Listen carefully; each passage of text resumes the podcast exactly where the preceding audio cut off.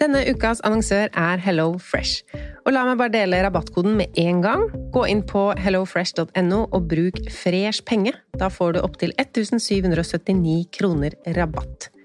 Og i dag tenkte jeg å snakke om matplanlegging ut ifra et hva vil jeg egentlig putte i kroppen min-perspektiv. Altså ikke hva som er godt, men hvor mange ganger i uka vil jeg spise fisk, f.eks.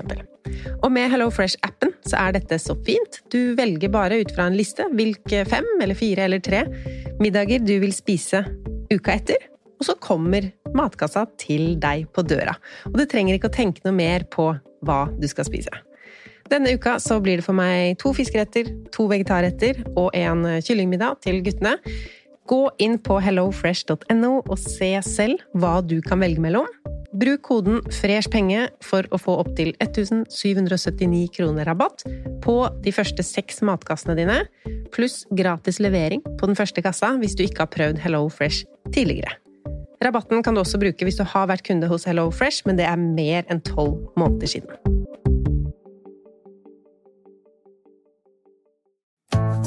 Har du et enkeltpersonforetak eller en liten bedrift? Da har nok Eller vent, sa du nei? Du vet at fiken også gjør det enkelt å starte din egen bedrift? Fiken superenkelt regnskap. Ja, og hjelp til å starte egen bedrift, da. Velkommen til Kjemperådet! Vi har fått inn et kjempeproblem her. Jeg leser. Jeg er på ferie med familien. Det er gøy, bortsett fra at jeg har gips på begge beina. Kan ikke bade eller dra noe sted. Jeg føler meg veldig begrenset. Hilsen begrenset far. Begrenset far trenger ubegrensethet. Yes. Ja, Kanskje ubegrenset data fra 399 med familierabatt hos Telenor? Ja, det løser jo alt! Bortsett fra det med badingen, da. Se nye mobilabonnement på telenor.no. Yes!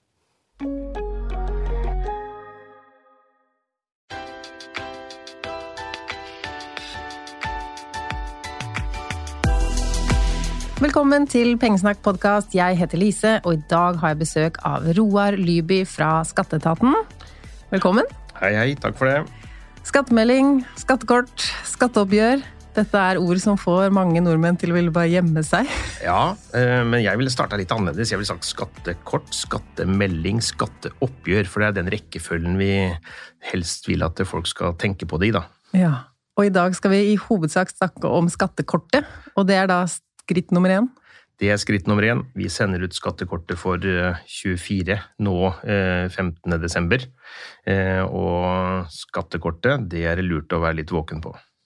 Så skattekortet er det første, og så skattemeldingen kommer før sommeren. Eh, Ja, men da må vi huske på, det er skattemeldingen for år 23 som vi er i nå. Så her må du holde tunga rett i munnen. Ja. Kan ikke du forklare, da? Vi begynner med skattekortet for 2023. Det fikk vi da i desember 2022. Ja, og det er da, når du mottar skattekortet, at du gjør det viktigste eh, sjekken din på å, å, å legge grunnlaget for å få en skattemelding som ikke gir deg en restskatt. Så sjekker du skattekortet, sørger for å ha riktig grunnlag der for inntekt, fradrag, formue og gjeld, fordeler dette her riktig mellom ektefelle eller partner, og sørger for at det blir brukt riktig av de som utbetaler deg lønn eller pensjon. Så eh, gjør du en god jobb i forhold til å unngå en restskatt. Jeg tror de fleste tenker at skattemeldinga er det viktigste, altså det er der jeg må gjøre jobben. Da er det litt seint, for da har liksom gjort er gjort og spist er spist for året som har gått. Eh, nå tenker vi jo på skattekortet, så er det for året som kommer. Eh, og hvis du går inn nå, sjekker grunnlagene, altså har du lønn, har du bankinnskudd, har du lån, har du gjeldsrenter, har du barn i barnehave, reiser du mellom hjem og arbeid, da er det grunnlag for å sjekke skattekortet ditt. Er det riktig nivå på inntekten din? Er det riktig nivå på gjelda di?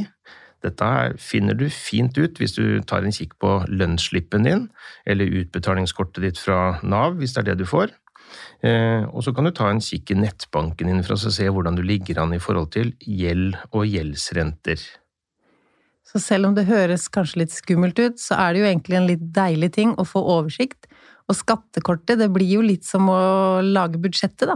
Ja, det er, det er en, rett og slett en prognose. Eh, Vi forsøker å sette opp en prognose over hva som kommer til å skje i din privatøkonomi i det året som kommer, når det gjelder det som har med skatt og skattemelding å gjøre. Da. Så hva har dere brukt for å lage mitt skattekort for 2024? Da har vi tatt utgangspunkt i den skattemeldingen du sendte inn for 2022. Så dette her er litt sånn gamle tall.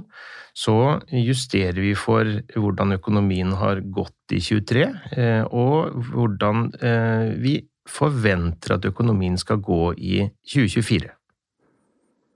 Og når jeg mottar skattekortet, åpner det, hva i all verden skal jeg se på og gjøre? Hvor skal jeg begynne? Ja, kast et blikk på, eh, på, inntektene dine først.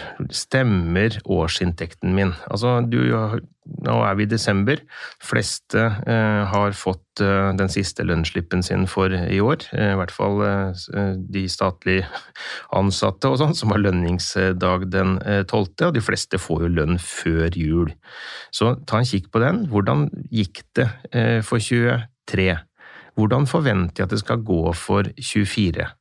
Og så setter du opp et eh, inntektsnivå som du forventer å få i 24. Og her er det på en måte litt sånn eh, Tenk på et tall, og litt realisme i det, selvfølgelig. Eh, og sett opp så riktig du kan.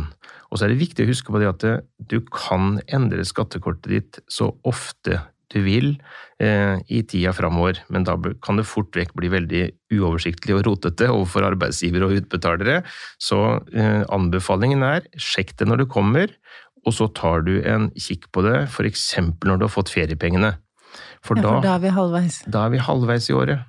Eh, og da har du muligheten til å justere det inn. Så hvis du på en måte er redd for å gå på en eh, smell med tanke på reskatt, så sjekker du det når du har kommet sånn halvveis ut i året, og så ser du hvor mye jeg har tjent, hvor mye jeg har betalt i skatt, hvordan ligger jeg an på fradragene mine, hvordan gjelder andre inntekter, driver jeg med utleie eksempel, bør jeg ta med det inn i skattekortet mitt?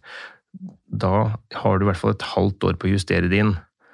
Snakka med en i går, han eh, hadde akkurat justert skattekortet sitt. Han fikk 69% trekk i desember, og fikk i tillegg en tilleggsregning eh, eh som forskuddsskatt eh, som han måtte betale, for det var ikke nok til han hadde betalt inn eh, via lønnsslippen sin. Så det er lurt å ikke vente til desember med å endre skattekort. Da blir det en slunken jul, kan bli. Ja, men nå skal vi ta må vi legge til at det er jo halv skatt i desember, så det blir jo ikke reelt trukket 69, men uh, rundt den fire Jo, halvt skattetrekk. Halvt skattetrekk. Halv skatt. Halvt skattetrekk. Ja. det kan vi jo bare kl klarere med ja. en gang. At ja. uh, vi snakker jo om halv skatt i desember, men uh, skatten er den samme hele året, men halvt skattetrekk. Ja. Ehm, når det er sagt, jeg gikk på samme blemma selv. Husker du var jo her tidligere i år og snakka om skattemeldinga. Ja. Ehm, og jeg som selvstendig næringsdrivende betaler jo skatt er det fire ganger i året. Ja. Og det første trekket var så høyt fordi jeg hadde tjent masse i fjor, eller forrige fjor, da. Og så hadde jeg tjent så lite i januar, februar og mars at jeg betalte mer skatt enn hva jeg hadde tjent. Ja. Uh, og nå har jeg en god bufferkonto, så det gikk bra. Men da satte jeg skattetrekket så mye ned at jeg betalte ingenting skatt på neste faktura. Nei. Og så begynte jeg jo å tjene penger. Ja. Så da var jeg inne og endra skattekortet. Ja. Så nå får jeg en regning på 200 000 i skatt. Ja. ja ja, men eh, får du en så høy regning, så har du også tjent gode penger, så er, jeg syns ikke noe synd på det.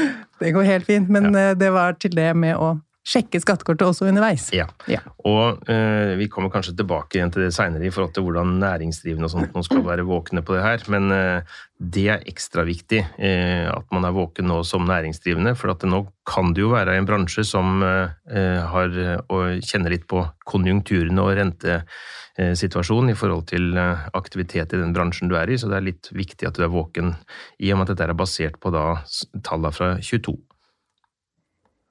Når jeg har åpna skattekortet, og jeg ser inntekten Fradraga dine, formuen og gjelda di?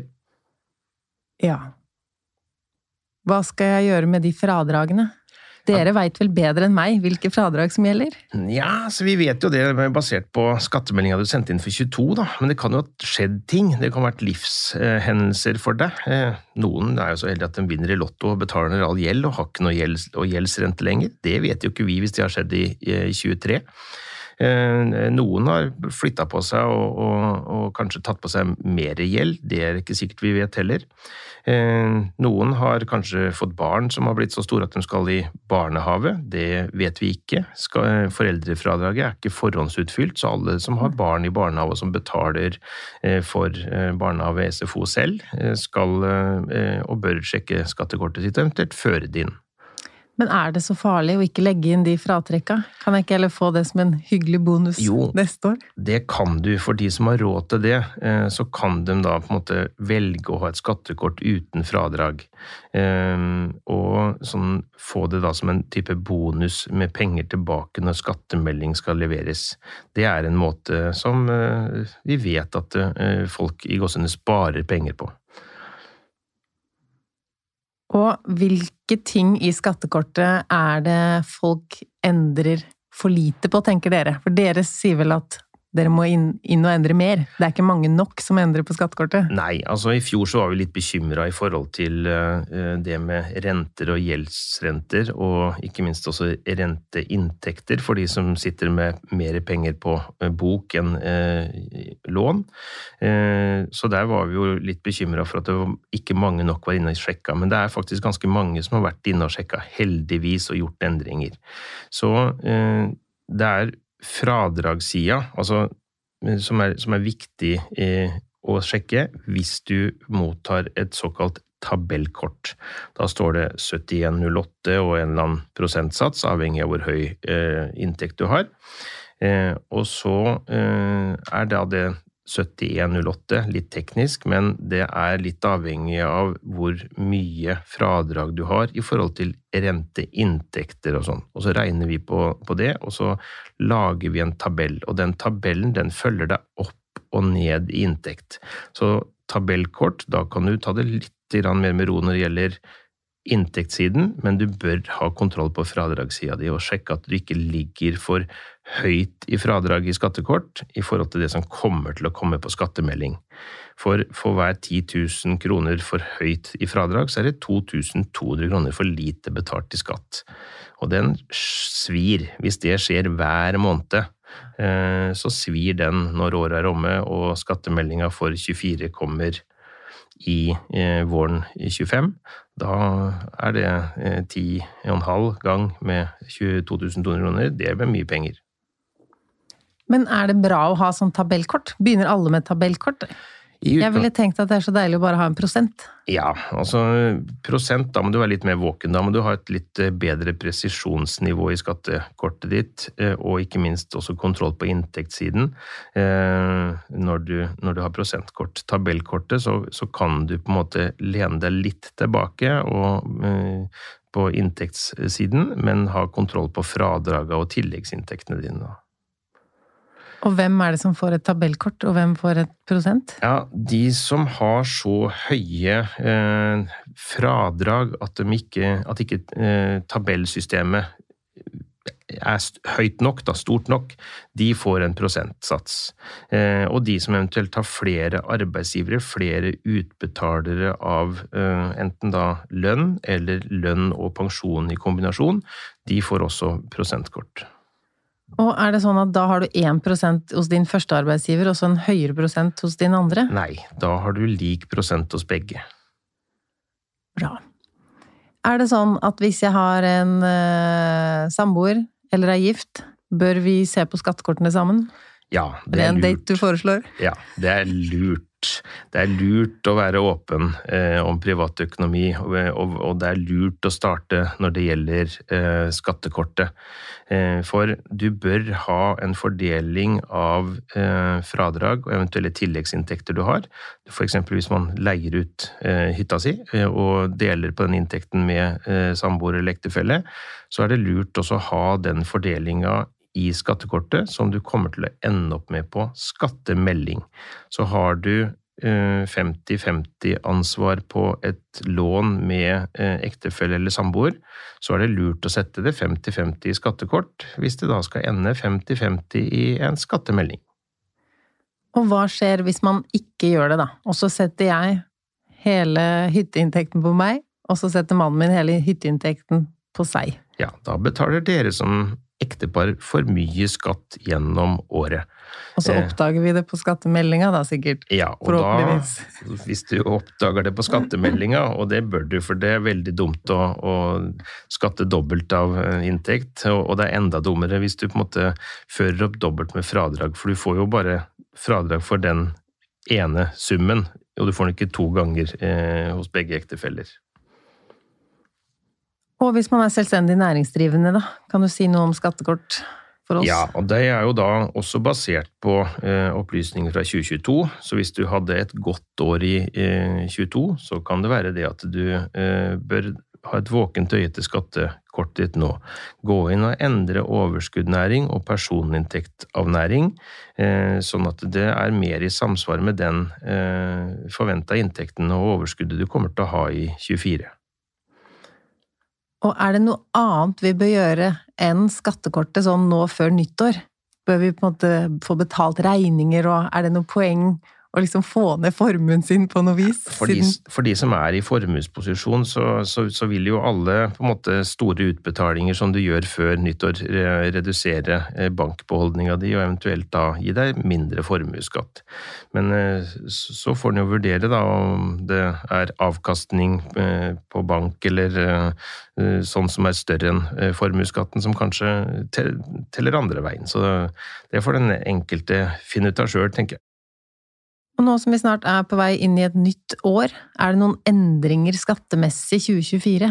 Det er ingen store regelverksendringer eh, som har kommet eh, nå på, på, på slutten av eh, 23 eh, ut av Stortinget, men eh, det er noen satsendringer, og de fleste er til gunst for den enkelte skattebetaler.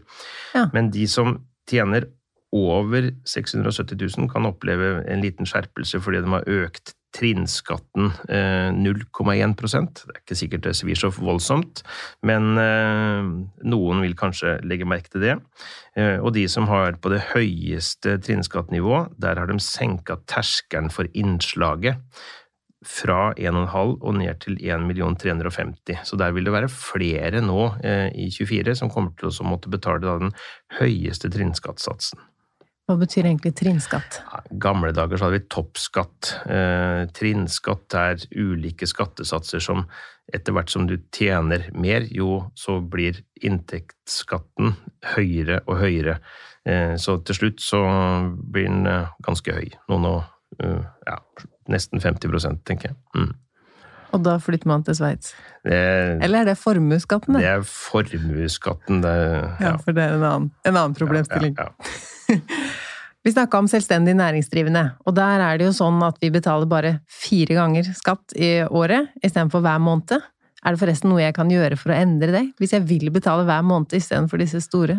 Eh, kanskje ikke på 24, men vi har noe på trappene der, så det kommer noe nyheter der for næringsdrivende eh, eh, om, om litt. Ikke for 24, så vidt jeg veit, men det kommer noe. Så det skal være mulighet til å betale oftere enn enn hver, hvert kvartal.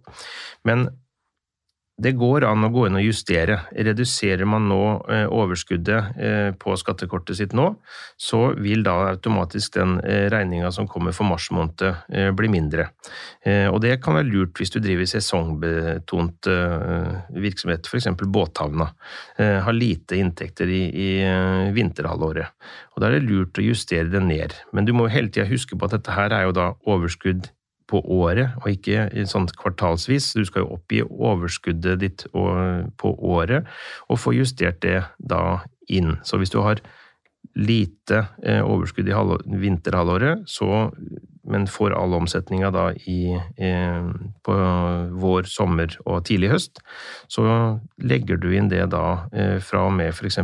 mai måned inn i eh, skattekortet ditt, sånn at du får en riktigere regning i juni og i september. Så da kunne jeg gått inn og endra, hvis jeg drev denne båthavna, og sagt at nei, jeg kommer ikke til å tjene noe særlig neste år, jeg. Mm. For ikke få den store regninga. Mm. For du skremte meg litt sist du var her, og sa at det er jo forbudt å legge inn feil. Ja, Og så driver jo selv jeg og trikser, ikke sant. Da ble det litt høyt, og så tok jeg litt lavt, og så veit jeg ikke, og så tok Ja. jeg det opp igjen. Og med den båthavna, ville det ikke sett litt mistenkelig ut hvis han plutselig sa nei, jeg kommer ikke til å tjene noe i år, jeg. Altså det du, det du, det du sa at det var forbudt å gjøre feil. Altså det den enkelte har, er jo en opplysningsplikt, og en har jo et ansvar for den å betale inn den skatten.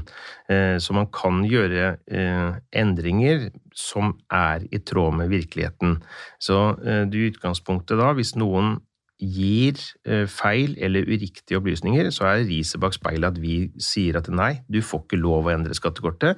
Skattekortet ditt blir sånn, og du får ikke lov til å endre det i år.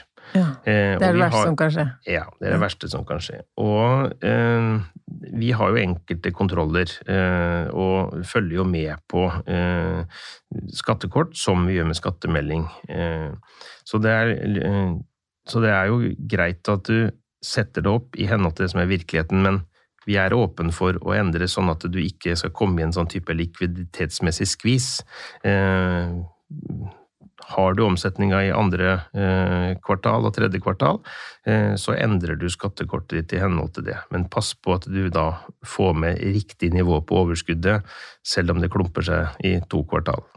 Ja, for det som ikke hadde vært lov, var jo å sagt gjennom hele året nei, jeg kommer ikke til å tjene så mye, og så først sagt det på skattekortet, og ikke da betalt inn noe forskuddsskatt. Ja, For man er pliktig til å betale forskuddsskatt. Ja, du skal, være, skal, du skal ha et skattekort som er i tråd med det som på en måte er virkelig for deg. Og er, hvis du da sier null, null, null, så kan det hende at det her eh, vil vi kanskje eh, ikke godta det. Skjønner. Og så er det noen andre skattespørsmål jeg har til deg. Ja. Fordi ehm, det er jo mange av mine lyttere som driver og putter penger inn i fond. Snakker vi mye om investering og forskjellig, men ikke så mye om når man skal ta pengene ut. Nei. Eh, Og da lurer de på, lønner det seg i det hele tatt å investere når jeg må betale skatt på denne gevinsten? Ja, altså, eh, skatt eh, er jo på en måte nesten Det er jo livet, og du har døden, og så er det skatt derimellom, ikke sant. Så du, skatt skal du betale. Om du, det går deg godt, så, så blir det skatt på, på verdistigning. Og når det gjelder fond, da, så må man skille på Det er jo ulike typer verdipapirfond. Noen av dem består hovedsakelig av rentefond. Eh, Og hvis du da har en aksjeandel eh, over 80% så anses det som et aksjefond. Hvis andelen er mellom 20 og 80, så har du et kombinasjonsfond, og det eh, sliter vi med, og det sliter folk med. Eh, så her er det lurt å, å holde tunga rett i munnen. Men hvis du da har en aksjeandel under 80, så, eller under 20, så får du da eh, et, eh, dette her som en sånn en rentefond. Eh, og det er litt gunstigere med tanke på beskatning. Da er det 22% på sånn kapitalinntekt, som om du har penger i banken. Men idet du får det til å bli et aksjefond, da er det litt hvassere beskatning, 37,8. Du oppgir gevinsten, får den oppjustert med 1,72 var tallet for eh, 23. Vi har ikke fått det eh, eksakte tallet for 24 ennå. Men eh, og, eh, når du tar da f.eks. 100 000, oppjusterer med 1,72, 172, 22% av det, 37 840, 37,84% skatt på aksjefond og aksjegevinster og utbytteinntekter. Og disse regnestykkene, må jeg gjøre de selv? Eller Nei. kan jeg legge inn hva jeg tok ut og hva jeg har, og så Ja. fikser dere? Du oppgir gevinsten din, og så blir det regna ut uh, av oss. Bra. Kombinasjonsfond det skal jeg ikke gi meg ut på å forklare hvordan det er, for da er det inngangsverdier og utgangsverdier, og derimellom så er det ja, noen beregninger. Så det, det er krøkkete også for oss. Men der igjen, vi legger inn hva vi har, og så Ja. er det regnestykket deres problem. Ja, og for de aller fleste så er jo dette forvalta gjennom et, eller- en eller annen finansinstitusjon, og som beregner det for deg, så du slipper heldigvis det. Og som oftest er jo disse gevinstene også ferdig påført eh, skattemeldinga, så sant det er da norske eh, eller Oslo Børs-baserte eh, fond og aksjer. da. Ja, Så med en gang det er utenlandske aksjer, så må det- jeg skjønne meg på det og fylle inn sjøl. Da er det verre. Ok. Eh, og så er det et ord vi lurer på. Skjermingsfradrag. Ja. Skjermingsfradrag er et fradrag som reduserer dine skattepliktige aksjeinntekter, slik at du betaler mindre skatt. Ja, Mindre enn det du sa i stad. Ja. Ja. Så da får du en liten eh, andel som blir trukket fra, og gir deg en, en, en, et lite fradrag som reduserer den skattepliktige eh, inntekten av eh, aksje, eh, utbytte eller gevinst. Da. Og hvorfor? Eller hva er det? Hva er grunnen til dette? I utgangspunktet så var det for at du, du skulle eh, kompensere for den gamle risken eh, når det gjaldt eh, aksjer i privat eie. Eh, enkelte eh, eh, næringsdrivende, enkeltpersonforetak, har jo også en sånn form for skjermingsfradrag, hvor det da er på en måte eiendelene som bidrar inn til et overskudd, og du får skjerma deler av den eh, inntekt, eller den den inntektsøkninga som den eiendelen din representerer. Da. Så det, her er det eh, på samme måten at det reduserer skatt på aksjeinntekter eh, og utbytte og gevinst. Og gå inn på skatteetaten.no skjermingsfradrag, så eh, kan du beregne det og se hvordan det slår ut for, eh, for aksjer du har eid en stund, eh. Ja, For det endrer seg fra år til år. Ja, det summerer seg opp fra år til år, hvor det er en liten prosent av da hvor lenge du har hatt i eie. Hvis ikke du har tatt, fått noe utbytte og ikke hatt noe, brukt noe skjermingsfradrag, så får du alt det skjermingsfradraget for hvert enkelt år eh, fratrukket når du eh, eventuelt da selger deg ut eh, i, i den posten du har, da. Er det noe annet om investeringer og skatt vi må vite om? Nei, at ikke annet enn at det eh, meste er skattepliktig. Eh, har du hatt eh, gevinst eller tap, eh, så lønner det seg opp å, å føre det opp. Og det gjelder jo da alle mulige slags investeringer som du eventuelt måtte gjøre i Norge, i utlandet.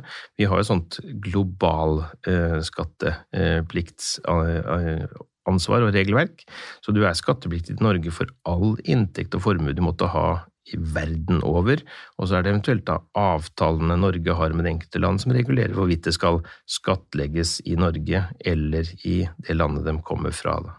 Ja, Så det blir aldri dobbelt at jeg skatter både her og der? Skal ikke bli dobbelt.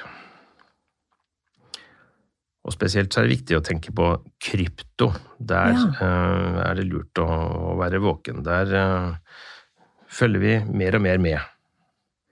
Og når du sier være våken, så betyr det å legge inn hva man har Legge i de ulike Legge inn formuen, legge inn inntekten, legge inn tapa. Og det er veldig dumt å bare komme til oss når du har eh, fradrag for tap, for da har du sikkert også hatt noen gevinster en eller annen gang som du skulle ha oppgitt, ja. Ja. Ok, før vi gir oss ro her, for nå skal jo folk inn og sjekke dette skattekortet da, og gjøre jobben. Eh, og da kan man fort bli litt sånn nervøs hvis det står her 'jeg kommer til å tjene det', og så tror jeg kanskje ja, det er vel safest å ikke endre noe, de veit vel best, eller hvor nøyaktig må det være? Ja, altså På skattekortet så er presisjonsnivå sånn omtrentlig. Eh, Det skal, bør ikke stemme på krona, eh, men det er sånn i 10 000-kronersklassen. Altså står det at du skal tjene 675 000, og du tjener 682, så er det ingen grunn til å gå inn og så endre skattekortet sitt hvis man har fått tabell. Har du fått prosent, så er det litt eh, viktigere å være litt presis. Men det er omtrentlig, og ikke Ja. på krona. Ikke sant? Det er som et budsjett, som vi sa. Ja. Regnskapet kommer i skattemeldinga. Ja, da er det litt lurere å være veldig presis. Og så er jo da, hvis vi sier at skattekortet er kapittel 1, skattemeldinga er kapittel 2, og så er det da skatteoppgjøret. Ja, og det kommer jo nå for 23 i disse dager. Eh, sånn at eh, når eh, dine lyttere hører på det her nå, så har de jo sikkert også lest mange saker om sånne såkalte topplister her, og formuestopp og inntektstopp og skattetopp og alt det der. Så det er skatteoppgjøret for 23. Så nå kommer skattekortet for 24. Eh, og så kommer skattemelding for 23. Den kommer i Mai? Mars? Mars. Mars. Mm, mars. Ja. Så skatteoppgjør for 22, skattekort for 24, skattemelding for 23 kommer i 24. Så her er det Det er ikke rart man blir forvirra. Men jeg skjønner nå hvorfor dere brukte 22-tallene til Ja. å lage 24-skattekortet. Fordi 23-tallene ikke var klare. Vi er ikke klare med 23-tallet ennå. Skjønner. Mm. Tusen takk for besøket, og takk for hjelpa. Bare hyggelig.